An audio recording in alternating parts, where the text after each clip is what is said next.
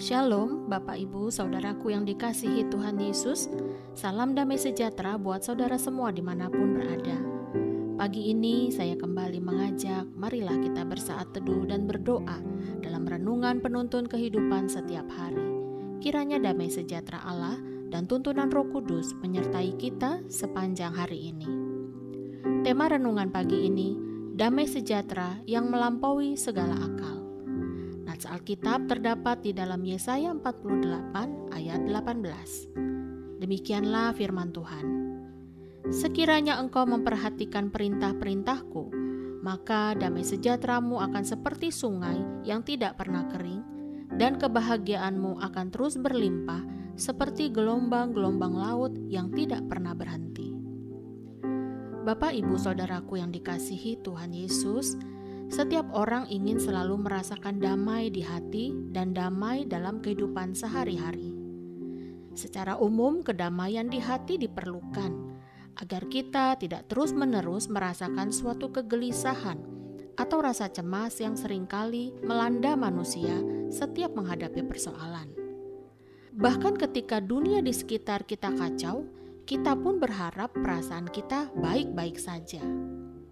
Saudara, sebenarnya Tuhan sudah merancangkan manusia untuk hidup dalam damai sejahtera.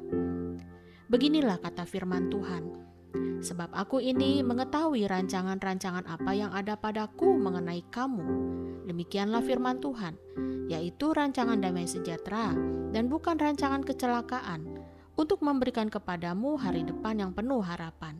Yeremia 19 ayat 11. Ini berarti Bukankah kedamaian yang dirancangkan Allah jauh melampaui segala akal? Namun, kenapa kita tidak selalu dapat merasakan damai itu di dalam hati kita dan dalam kehidupan sehari-hari? Saudara, mungkin saat ini kita sedang dalam keadaan yang sulit untuk merasakan damai sejahtera di hati kita. Mungkin dalam keluarga kita, bahkan mungkin kehilangan damai sejahtera di pekerjaan kita Pertanyaannya, bagaimana kita mendapatkan kedamaian itu seperti yang Tuhan janjikan? Bapak, ibu, saudaraku yang dikasihi Tuhan, ayat ini dengan jelas memberitahu kita bahwa damai sejahtera tersedia bagi kita apabila kita patuh terhadap perintah-perintah Tuhan. Akan tetapi, damai sejahtera di sini bukanlah seperti upah atau hadiah apabila kita patuh terhadap hukum-hukum Allah. Seperti misalnya, Apabila kita katakan kepada seorang anak kecil, "Bila kamu tidak nakal, saya akan kasih kamu hadiah." Tetapi, saudara, damai sejahtera yang dimaksudkan di sini tidaklah seperti itu, melainkan roh kita atau batin kita akan merasakan damai sejahtera sebagai hasil dari tindakan kepatuhan kita terhadap hukum-hukum Tuhan atau perintah Tuhan. Jadi, bagi orang-orang yang gagal memperhatikan perintah Tuhan sepenuhnya, akan kehilangan damai sejahtera di hatinya.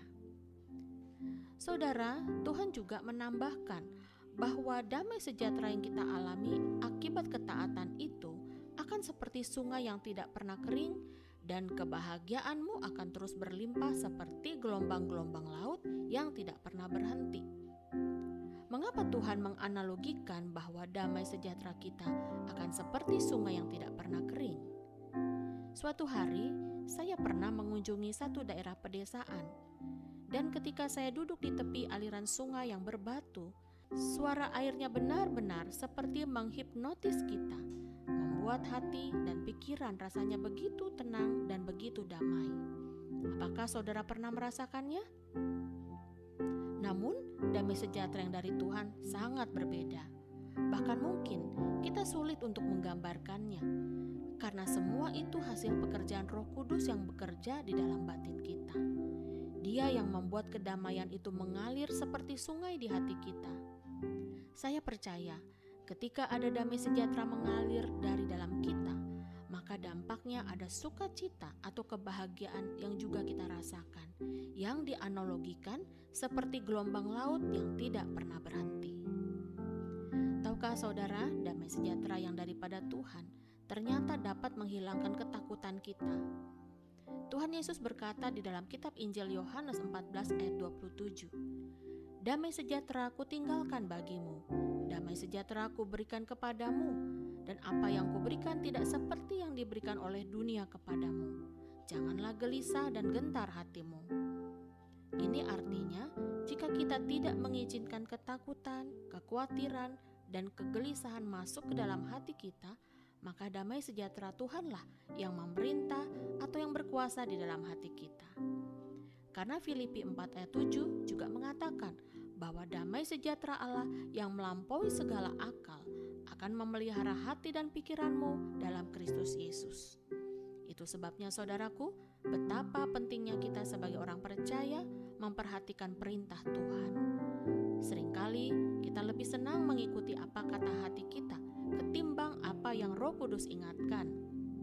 Seringkali kita mengizinkan hal-hal yang negatif timbul dalam pikiran kita, sehingga hal itu akan menentukan tindakan kita.